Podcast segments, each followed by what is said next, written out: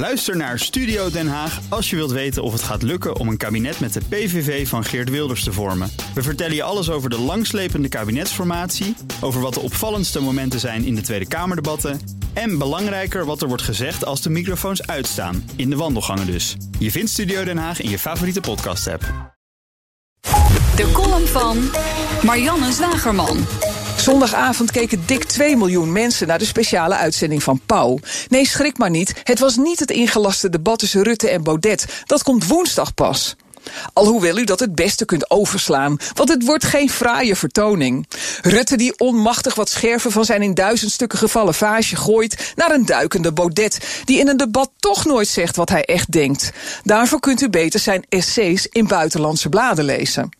Zoals zijn deze week gepubliceerde boekbespreking, waarin hij zijn ware aard toont. Een angstig mannetje, doodsbang voor vrouwen. Vrouwen moeten lekker thuis voor de kinderen zorgen en tijd in de relatie met hun mannetje investeren, bepleit Baudet. Het debat met Rutte bij Pauw trekt vast niet eens de helft van het aantal kijkers van zondag. Want zondag was het grote nagenieten, omdat we eindelijk weer eens wat wonnen. Het maakt niet uit wat het is, als we winnen, zijn we ineens allemaal even wij. En wat staan we op de kaart, hè? 200 miljoen kijkers zagen dat wij best een leuk moppie kunnen zingen.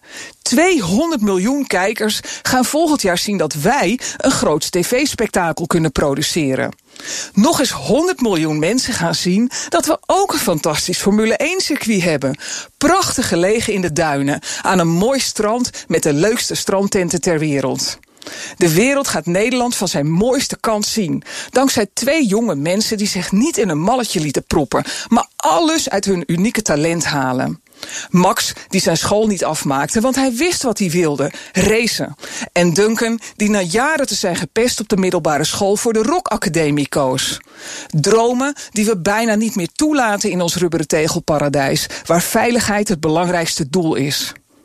Ik was vorige week op een evenement waar honderden VMBO-leerlingen konden speeddaten met vakmensen om te kijken wat ze willen worden.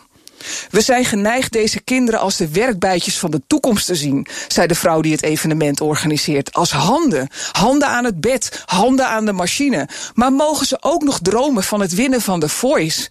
Ja, dat mogen ze. Grijp met die handen een stuur of een microfoon vast en verover de wereld. Zodat we weer even wij zijn. En dat zijn Marianne Zwagerman, onze columnist op dinsdag.